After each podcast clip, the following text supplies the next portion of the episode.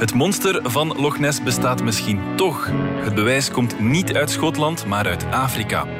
Verder hebben we het over een klokkenluider bij Twitter, over hoe geluid klinkt op Mars en over streaming, want Netflix wordt misschien wel een stukje goedkoper. Het is vrijdag 2 september. Ik ben Niels de Keukelare en dit is Bits en Atomen.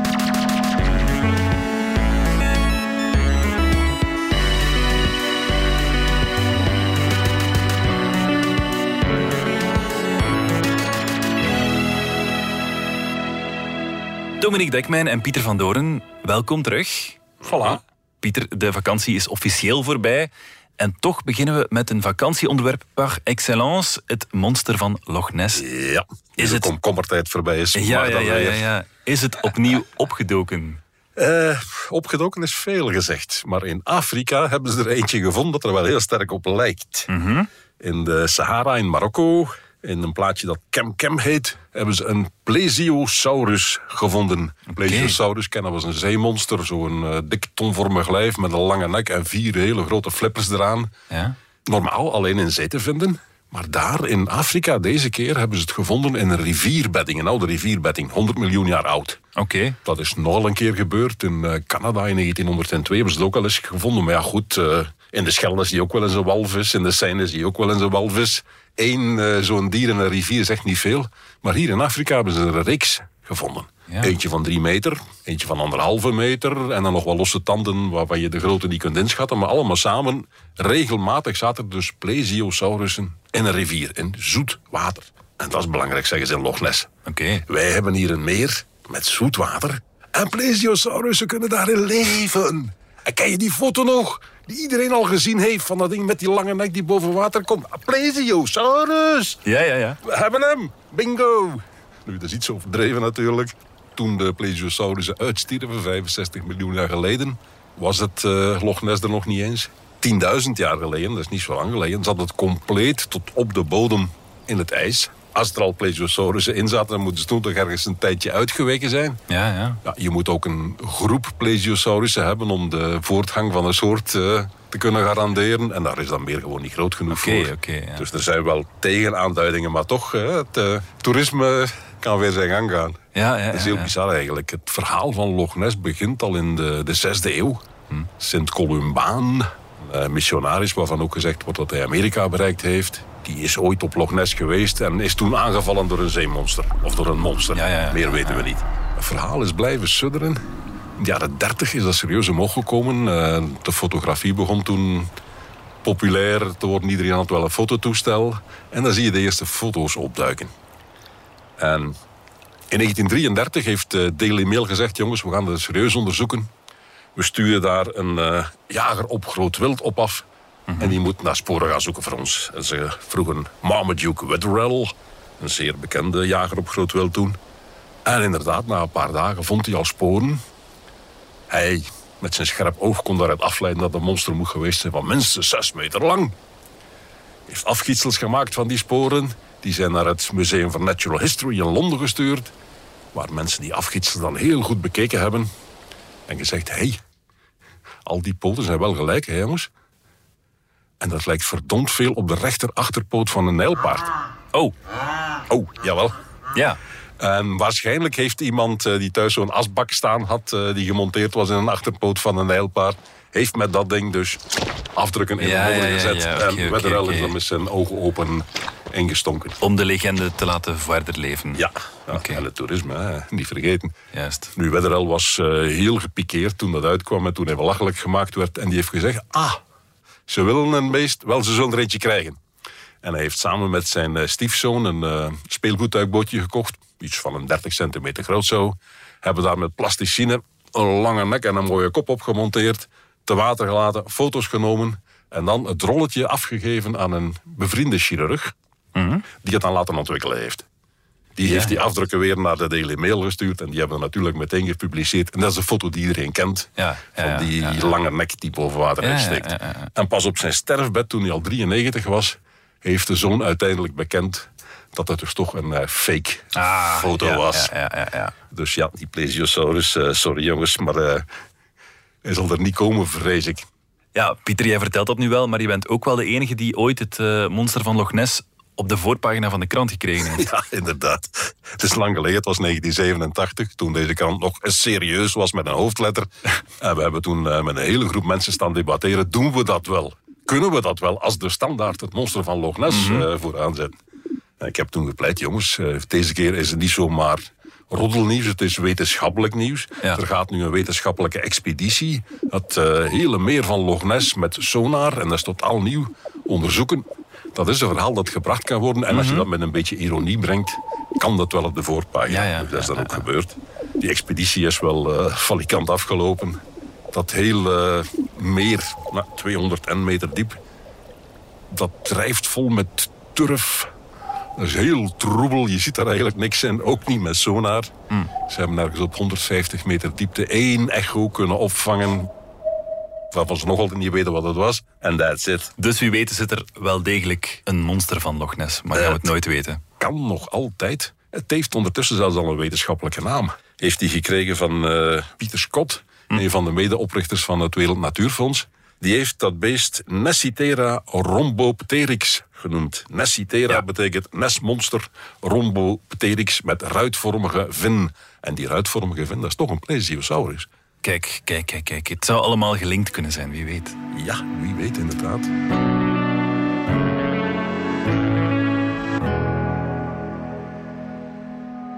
Dominique, met jou wil ik het hebben over Twitter. Want daar, ja, het is daar een beetje een zootje, heb ik de indruk. Het was het een en het ander, ja. Dus uh, ja, het bedrijf is stevig in de problemen geraakt door een klokkenluider. En dat is niet zomaar eender wie. Die man heet Peter Zatko en, mhm. en, was de beveiligingschef van het bedrijf. Was binnen dat bedrijf is die uh, iets meer dan een jaar lang verantwoordelijk voor beveiliging geweest. Sterker nog, die man was aangesteld om eindelijk eens orde op zaken te mhm. stellen van de beveiliging van Twitter. En dat was nadat een hoopje tieners er een paar jaar geleden in geslaagd waren om de accounts van een heleboel Twitteraars waaronder trouwens Elon Musk zelf en, en Barack Obama, die, die, die Twitter-accounts te, te, kraken en van daaruit een of andere bitcoin-fraude te, te tweeten. Juist, die hebben daar snel wat geld verdiend. Dat was eigenlijk een schande dat dat zomaar kon. en toen hebben ze dus die man, die Peter Zatko, heel interessante figuur, wordt eh, in, in de sector Mudge genoemd, want die heeft een hackerbijnaam. Mm Dan ben je iemand mhm. als je een echte hackerbijnaam hebt. Mhm. En zelfs als je En zelfs 30 jaar later laat je je nog bij je hacker bijnaam noemen. Die man was lid van de Cult of the Dead Cow. En dat is. Stroper die boswachter geworden is. En een zeer gerespecteerde veldwachter ook. Hij, ziet ook keurige man. Hij had vroeger zo van dat lang Jezushaar, maar heeft nu een keurig grijs baardje. Ziet er zeer geloofwaardig uit is dat ook. Maar die man is uh, ja, eigenlijk buitengevlogen. Zegt hij nu omdat ze zijn boodschap niet wilden horen. Ze waren mhm. niet bereid om diep genoeg te snijden, hard genoeg te werken om dat te beveiligen. Mhm. Dus hij zegt, ja, uh, voilà, ze, ze wilden niet luisteren naar mij. Uh, maar ja, bij, bij, Twitter zelf zeggen ze van, ja, die man is ontslagen wegens gebrek aan leiderschap. Mhm. En de twee zijn waarschijnlijk ook wel een beetje waar. Er stond een, een, een heel mooie reportage in, in, in, Time online, het vroegere weekblad. Uh, ik geloof niet dat het nog een weekblad is. Maar bon, Time heeft online een fantastische reportage erover. Waarin ze de twee kanten daarvan geven. En dat is echt wel boeiend. Hè? Dus die man is zeker met de hele, hele goede bedoelingen bij Twitter begonnen om de boel daar op te kuisen. En heeft daar vooral, en dat is wat hij nu bekend heeft, een totale puinhoop aangetroffen. Mm. Dus het is niet zomaar effectief dat een paar tieners het boeltje daar konden hacken. Hacken wil in dat geval zeggen dat je wachtwoorden in handen krijgt van mensen die bij het bedrijf werken. Dat is eigenlijk, mm. dus ja, ja, ja, dat social engineering noemen of phishing. Mm-hmm. En dat is bij Twitter zo gemakkelijk. Waarom? Omdat veel te veel mensen bij het bedrijf toegang hebben tot veel te veel informatie. Dat is iets dat je ziet bij kleine mhm. opstartende technologiebedrijven. Maar, zegt die Zatko, van de 10.000 mensen die bij Twitter werken in totaal, heeft zowat 5.000 toegang tot de informatie van gewone Twitter-gebruikers. Ja, dat is een vragen natuurlijk. Dat is ondenkbaar. Dat is gewoon ondenkbaar. En dat mm moet vroeger bij Facebook ook zo geweest zijn. En dat was toen ook al een mhm. schande, want dat is ook uitgekomen. Maar bij Facebook is dat zeker al jaren niet meer het geval. Bij Twitter mhm. was dat nog altijd het geval. En dan heb je maar één iemand nodig die er misbruik van maakt. Daar komt het op neer. Ja, dus er zijn duizenden en duizenden mensen bij dat bedrijf die veel te veel toegang tot informatie hebben, die ze niet nodig hebben voor hun job, maar die ze wel kunnen gebruiken om bijvoorbeeld, ja, als ze onder druk worden gezet door een buitenlandse mogendheid, misschien wel wel het land waar ze vandaan komen. Misschien het land waar ze een studiebeurs hebben gekregen. Om te zeggen, van, zeg, het is nu de tijd om iets terug te doen. Uh, we zitten met een paar dissidenten die daar op Twitter uh, vervelende dingen over ons regime schrijven. We zouden eigenlijk wel graag weten waar die mensen precies zitten. Dan kunnen we ze een bezoekje brengen. Mm -hmm. uh, dat, is, en dat is geen fantasievoorbeeld. Dat is alvast wat er met een Saoedi-Arabische agent gebeurd is. Mm -hmm. Die man is betrapt en ondertussen veroordeeld. Maar, zegt Satko, die, die man was niet alleen. Er was waarschijnlijk ook een Indiër dat moet wel een agent zijn geweest. We zijn ervoor gewaarschuwd en die man mocht daar toch rustig blijven werken. En ja, zoals bijna iedereen, -hmm. hoewel dat die man dus uh, op vraag van de Indische overheid in dienst is genomen en hoewel die man hoogstwaarschijnlijk een agent was, had hij toch toegang zoals iedereen bij Twitter blijkbaar, tot gegevens van gebruikers. Dus wantoestanden, en er zijn er nog wel een paar andere. De servers zijn allemaal niet up-to-date met beveiliging. Het lekte overal, maar dat, is ja, wel het. Ja. Maar die man heeft dat dus uitgeschreven in een vlammend document van een pagina of tachtig en dat dan naar iedereen die het wilde hebben gestuurd, inbegrepen dus de, de media, mm. maar ook de verschillende overheden. Wie is er onmiddellijk intussen opgesprongen en dat lag eigenlijk voor de hand Elon Musk ja, zelf. Ja, ja, Want dat was natuurlijk allemaal tegelijk ook aan het gebeuren. Daar hebben we het voor de zomer een paar keer over gehad. De Elon... overname die hij wou doen van Twitter, die dan niet is doorgegaan of nog ja, Wel, de die nog in de lucht hangt. Ja, ja, het, is, ja. het is spannender dan dat. Hè. Dus Elon Musk heeft eerst gezegd van ik ga Twitter overnemen. Toen ondertussen is de beurs, is de, de, de waarde van technologieaandelen op de beurs zo erg gezakt dat zijn, de prijs die hij geboden had eigenlijk te hoog was. Mm -hmm. Heeft dan proberen onder die overname uit te geraken.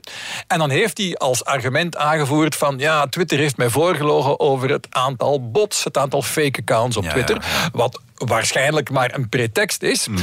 Maar nu is die Peter Zatko, eh, los van de dingen waar hij echt eh, vanaf weet, en dat zijn die beveiligingsproblemen bij Twitter die echt zijn, heeft hij in zijn 80 eh, bladzijden document ook gezegd, ah ja, dat van die bots, Musk heeft helemaal gelijk, de cijfer die we bij Twitter vrijgaven toen ik daar ook nog zat, zijn misleidend. Maar als je dan zo'n uitleg echt goed leest, ehm, kan hij dat eigenlijk niet echt hard maken. Het is ook niet echt zijn domein. En hij had er bij Twitter ook niet zoveel mee te maken. Dat lijkt hij vooral ge- eh, eh, gedaan te hebben, omdat ja, hij is nu eenmaal ontslagen. En los van het feit dat het een zeer integer man blijkt te zijn, die echt hard geprobeerd heeft om Twitter beter te beveiligen, is hij ook ernstig op zijn lange tenen getrapt door daar buiten getrapt te zijn, wat natuurlijk niet goed is voor zijn reclame. En hij lijkt erg veel zinnen, zin te hebben om erg hard terug te trappen. Ja, en hij ja, lijkt het blijkbaar toch wel een tof idee te vinden om straks in een rechtszaak, die al ging beginnen, de, de datum voor de rechtszaak eh, was al vastgelegd tussen Twitter en Musk over moet, eh, mag hij onder zijn overnameakkoord eigenlijk uit. Hè. Mag, hij, mag hij terugtrekken en zeggen van ja, Twitter heeft me voorgelogen, dus ik hoef niet te betalen, ik hoef die overname niet te doen. Peter Zatko solliciteert eigenlijk van mag ik daar even komen mijn versie van de feiten geven met alle camera's op mij gericht Voilà, dat ik het zo maar- hard geprobeerd heb met Twitter, maar men heeft mij tegengewerkt en daarom ben ik ontslagen en natuurlijk niet omdat ik een slecht manager zou zijn. Wat blijkt intussen? Intussen heeft Elon Musk al gezegd ja, ik wil die man wel horen, maar hij lijkt ondertussen is het begint er zelfs naar uit te zien dat Elon Musk misschien zelfs een bocht pakt, want dat hele verhaal van die bots ik kan het in het lang en breed uitleggen, maar het komt er eigenlijk op neer dat wanneer Musk bots telt en wanneer Twitter die telt, dat ze eigenlijk iets anders aan het tellen zijn. En dat het cijfer van Twitter, eh 5% van de mensen aan wie wij advertenties kunnen tonen, zijn misschien bots. En het cijfer van Musk, 20% van de mensen op Twitter in totaal zijn bots. Die twee cijfers kunnen perfect alle twee tegelijk waar zijn. En het ene is niet meer misleidend dan het andere. Het hangt maar af hoe dat je het bekijkt. Ja, ja, ja, ja. Uh, maar Musk heeft intussen begrepen dat dat niet zo'n sterk argument is. Maar wat is hij nu blijkbaar van plan? Is eigenlijk gewoon te zeggen: nee, waar Twitter mij heeft over voorgelogen, is die beveiliging. De rest van het dossier van Zatko, niks met die bots te maken, maar het feit dat Twitter zo slecht beveiligd is, ja, dat soortje hebben ze mij proberen als een goed georganiseerd techbedrijf te verkopen. Ja, daar bedank ik voor. En wie weet, lukt het hem wel. We gaan er even uit voor een korte boodschap. Wil jij je passie omzetten in Lego-stenen? En wil je iets verwezenlijken? Met je eigen handen. Het plan uitvoeren, blad na blad, stap voor stap. Super gefocust. Je bent in het moment. en je ziet het voor je ogen groeien. Lego bouwplezier. Dat is toch het schoonste wat er is? Wil jij ook je passie omzetten in Lego-plezier? Zoek dan snel op Lego Sets voor Volwassenen.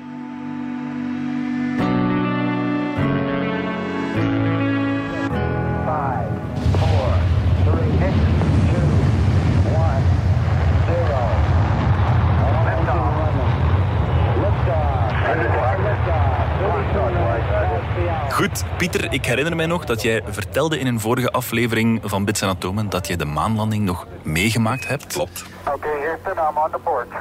Roger, Neil. Dat moet geweldig spannend zijn nu om Artemis ja, de lucht te zien ingaan. Ik heb maandag alvast gekeken naar de livestream. De Ik ook. lancering is niet doorgegaan. Maar dat betekent niet dat NASA Mars zou vergeten zijn. De NASA Nee, heeft... nee. ze hebben zelfs een site waar je zelf tekst kunt inspreken en hem terug horen zoals dat dan op Mars zou klinken. Voilà. Nu, Mars is het uiteindelijke doel van het Artemis-programma, zeggen ze altijd. Ze geven daar nog geen details over, laat staan een timing. Mhm, Voorlopig mikken ze op de maan, want de maan is eigenlijk een springplank voor Mars. Zo is het altijd ja, ja. eh, bedoeld geweest. Maan is zeker geen eindpunt. En inderdaad, eh, ze hadden al een tijdje geleden eens eh, uitgerekend hoe geluid op Mars zou klinken. Alleen, eh, ze konden het niet bewijzen. Mhm. Ondertussen hebben ze Perseverance, het, eh, de jongste Mars-jeep, daar rondrijden. En die heeft twee microfoons aan boord.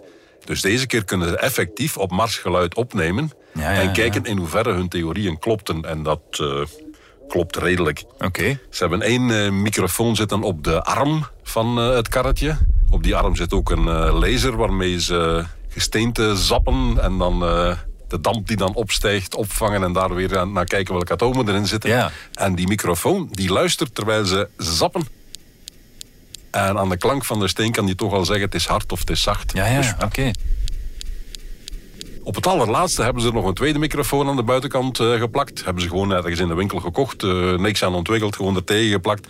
Met het idee van, hé, hey, dan kunnen we misschien wel het geluid van de landing laten horen aan de mensen. Die Seven ehm, Minutes of Terror, waarbij er helemaal geen signaal doorkomt tijdens de landing. Dan kunnen we nadien toch nog iets daarvan eh, teruggeven. Is Ja, ja. helemaal mislukt. Ja, ik dacht het al. Hoe klinkt dat dan? Dat moet gigantisch luid geweest zijn. Eh, Dat was vooral gepiep en gekraak. Daar hebben ze niks kunnen mee doen. Eh, was vooral- ja, ja, ja, ja. Maar die microfoon werkt nog steeds. Oké. En nu ze weten hoe het klinkt, hebben ze inderdaad een site gemaakt waar je als eh, gewone burger eh, naartoe kunt en even een tekst inspreken en je krijgt hem terug zoals iemand op 150 meter van jou hem zou horen op Mars. Ja, Pieter, we gaan jou even switchen naar Mars-modus. Oké, ik stap nu in mijn supersappatron en we gaan naar Mars. En beste luisteraar, u hoort mij nu van op Mars. Goed, heel bijzonder eigenlijk, hè? We hebben hier onder andere eh, Claire de Lune van eh, Claude Debussy.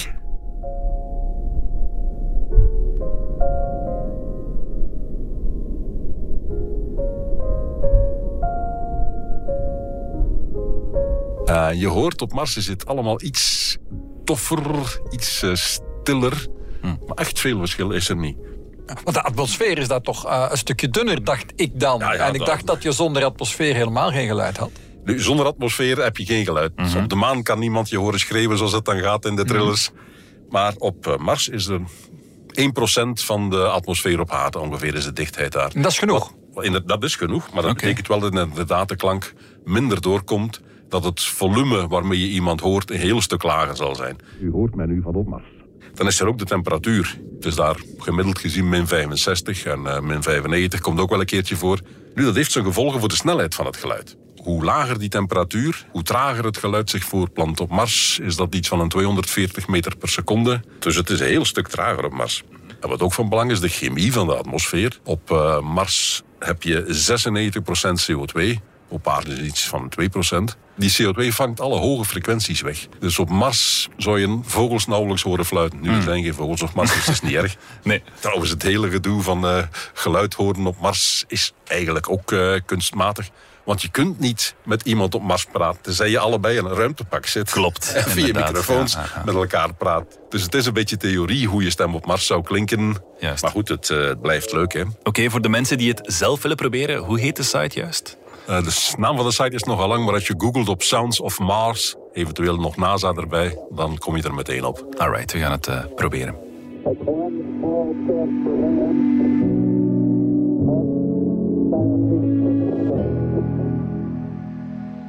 Goed, Dominique, de energieprijzen swingen de pan uit. We kunnen misschien besparen op een aantal dingen. Het zou kunnen op streamingdiensten aankomen. Uh, ja, dat is ons eigenlijk al een paar maanden verteld. Hè? Dus de grote streamingreuzen zien dat ze niet zo vlotjes meer nieuwe abonnees bijkrijgen. Dat heeft er iets mee te maken dat we er al te veel hebben. en ook iets mee te maken dat de kosten van alle andere dingen in ons leven aan het stijgen zijn geweest. Mm -hmm. uh, en dus hebben een aantal van die streamingreuzen uh, gezegd... we gaan een voor mensen die het niet uh, kunnen betalen, uh, maar toch willen kijken, een versie met reclame uh, gaan erbij zitten. Ja. En waar de prijs wat lager is. Dat is nog iets anders dan helemaal gratis. Dat bestaat ook. Je hebt gratis streamingdiensten met ja. reclame. Um, Ik ging net zeggen, was dat niet de reden waarom we betaalden voor streamingdiensten? Om die ellendige reclame te kunnen doorspoelen? Ja, dat is nu net het punt inderdaad. Hè. En daar is men nu aan het zeggen van, wel ja, kijk, die, om die series te kunnen maken hebben we geld nodig en dat kost altijd wat meer. Intussen, als je alles wil kijken dat er is, dan zit je toch al bijna aan de 35, 40 uh, euro per maand. Ja, ja, ja, dus het idee van, we kunnen een beetje besparen door op sommige van die diensten de reclameversie te pakken die uh, goedkoper of gratis is, dat klonk vrij goed. En de tegenvaller, wat we nu de laatste weken hebben geleerd, is dat dat toch niet zoveel geld zal besparen. Integendeel, zelfs Disney heeft het zelfs bestaan deze zomer om aan te kondigen dat de versie met reclame precies evenveel zal kosten als de versie zonder reclame vroeger kostte. Mm, dus oh, dat wil okay. zeggen, als je aan dezelfde prijs, hè, dat is in Amerika is dat dan, uh, dan 8 dollar, uh, als je aan die prijs wil blijven bekijken, zul je de reclame bovenop krijgen. Ja, wil, je, wil, je, wil je reclamevrij blijven, dan springt uh, de prijs omhoog uh, naar 11 dollar. Hoe dat zich precies vertaalt bij ons, dat is niet één op één dollars tegen, mm. tegen euro's. Omdat wij, als wij Disney Plus kijken, krijgen we er een paar series bij die in Amerika er niet bij zitten. Dus het zal bij ons nog net wat duurder worden. Ja. Disney heeft daarmee de toon gezet in ieder geval. En ja, nu klinkt het alsof Netflix dezelfde kant uitging. Hè. Ik de, eh, als je zou gezegd hebben van ja, Netflix, ja, in, je, in je hoofd is dat nog altijd 7 of 8 euro per maand. Mm. Hoewel je waarschijnlijk op een, het goedkoopste abonnement is nog in die, in, die, in die categorie. Maar als je met meer mensen kijkt en zit je al rap aan die formules van 14, 15 euro. Ja, dan denk je, een goedkope versie met reclame, ja, dat zal misschien een, ja, een, een, een euro of vijf kosten. Maar dat, mm. Volgens een, een, een, recent lek uh, ziet het er eerder naar uit dat uh, in, de, in die prijscategorie van dat opstartabonnement zal zitten. 7 à 9 uh, dollar. Ja, ja. Ik herinner mij ook dat Netflix strenger wil optreden tegen accounts die gedeeld worden. Ja, dat is natuurlijk heel feit. Het komt er allemaal op neer. Hè. Begin dit jaar uh, het, het, schokkende uh, nieuws dat, uh, net, dat het aantal Netflix-abonnees aan het stagneren was. Dat is stilgevallen. Hij was zelfs mm -hmm. een klein beetje aan het dalen. Het is intussen nog wat verder gedaald.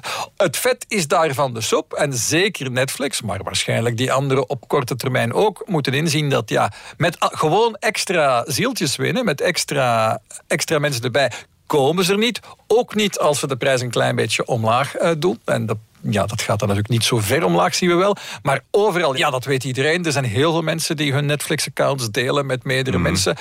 Netflix is er, heeft, is er altijd geneigd geweest daar relatief losjes mee om te gaan. Heel bewust, al jaren. Maar ook dat is eigenlijk iets wat de mensen gewoon zijn geraakt over de jaren. De kosten mm -hmm. een beetje verdelen. Ja. Maar net op dat moment dat je het ook al allemaal niet bekeken hebt en je geld is op het einde van de maand toch uh, verontrustend op met al die inflatie. Ja, net op dat moment te horen van de streamers van ja, het zal niet... Ook ons deel. Ja, we willen, we willen graag iets meer van u. En by the way, dat van die reclame, ja, dat brengt wel wat geld op, maar dat geld gaan we in onze zak steken, mm -hmm. dankjewel. Uh, niet zo fijn nieuws eigenlijk. Mm -hmm. Goed, en wie ondanks alle streamingdiensten toch niet weet wat kijken, die kan misschien gewoon omhoog kijken. Er is iets nieuw in deze podcast, moet ik wel zeggen. De dino van de week, die is er niet meer, maar er is wel de ster van de week. Ja. Stage one ignition. To explore strange new worlds. No man has gone before. Jaren geleden hebben we met onszelf een weddenschap afgesloten van... er is elke week gegarandeerd dino-nieuws. We pikken dat op en we nemen dat mee. Een beetje voor de grap eigenlijk. Ja, ja. Nu, dat is tot nu toe goed gelukt. We hebben elke week inderdaad dino-nieuws opgediept. Maar goed, af en toe moet je veranderen. Dus nu gaan we een nieuwe weddenschap aan. We zeggen, elke week is er wel ergens nieuws uit het heelal. Over sterren, planeten, melkwegen, weet ik veel. We gaan elke week iets over de sterren brengen. Yes, en wat is en, het uh, deze week geworden? Uh, deze week is iets heel speciaals. We beginnen bij een Franse fysicus, Etienne Klein, in Frankrijk eh, heel bekend en echt iemand met naam en reputatie. Die heeft op Twitter, daar hebben we het ook al over gehad vandaag, een eh, berichtje gegooid met een eh, foto van wat lijkt op eh, de foto's die iedereen wel eens gezien heeft van onze zon. Het oppervlak van de zon met van die barstende bellen en, en vlekken en alles ja, ja. in het rood en oranje. Heeft ook zo'n foto gepubliceerd en gezegd, kijk, de nieuwe Webb-telescoop die nu onlangs gelanceerd is, die ene schitterende beeld na het andere vrijgeeft, die is erin geslaagd om deze foto te maken van Alpha Centauri. En dat is op 4,2 lichtjaar hier vandaan. Maar het ziet er heel echt, eh, echt uit zoals onze zon. Tot nu toe, de foto's die we hebben van Alpha Centauri is niet meer dan een wit vlekje.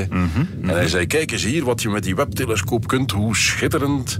Ce niveau de détail. Un nouveau monde qui se dévoile jour après jour. Tjak, op Heerlijk. Twitter. En dat is Ja, ja. meteen viraal gegaan. Iedereen Alleen- retweeten, ja. Alleen wat bleek. Het is een foto van een schijfje chorizo. Dat, dat, ik heb dat gezien, ik heb dat gezien. Dat was... Een je moet het maar durven ook dat Het zag er fantastisch uit. Ja. Ja, je moet het maar durven. Hij heeft daar heel veel eh kwaaie mails op gekregen, ook van collega's die zeggen... ja, ja. Hey, vriend, we zijn wel wetenschappers. Zo'n, dat doe je niet. Wij moeten onze serieus hoog houden. Je gaat toch niet van dat soort grappen eh, de wereld insturen. Hij heeft zich dan eh, zachtjes een beetje verontschuldigd. heeft dan een eh, tweet gelanceerd van... Volgens de moderne kosmologie bestaat er geen Spaanse charcuterie buiten de aarde.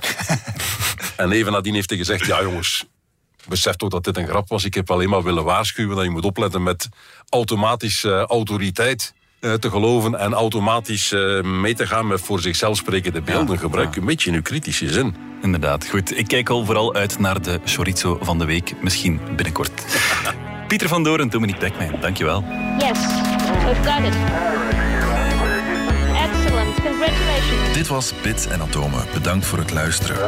Ken je trouwens DS Podcast al, de podcast-app van Standaard? Daar luister je niet alleen naar onze journalistieke reeksen, je krijgt er ook elke week een eigenhandige selectie van de beste nieuwe podcasts op de markt. Alle credits van de podcast die je net hoorde vind je op standaard.be-podcast. Reageren kan via podcast.standaard.be.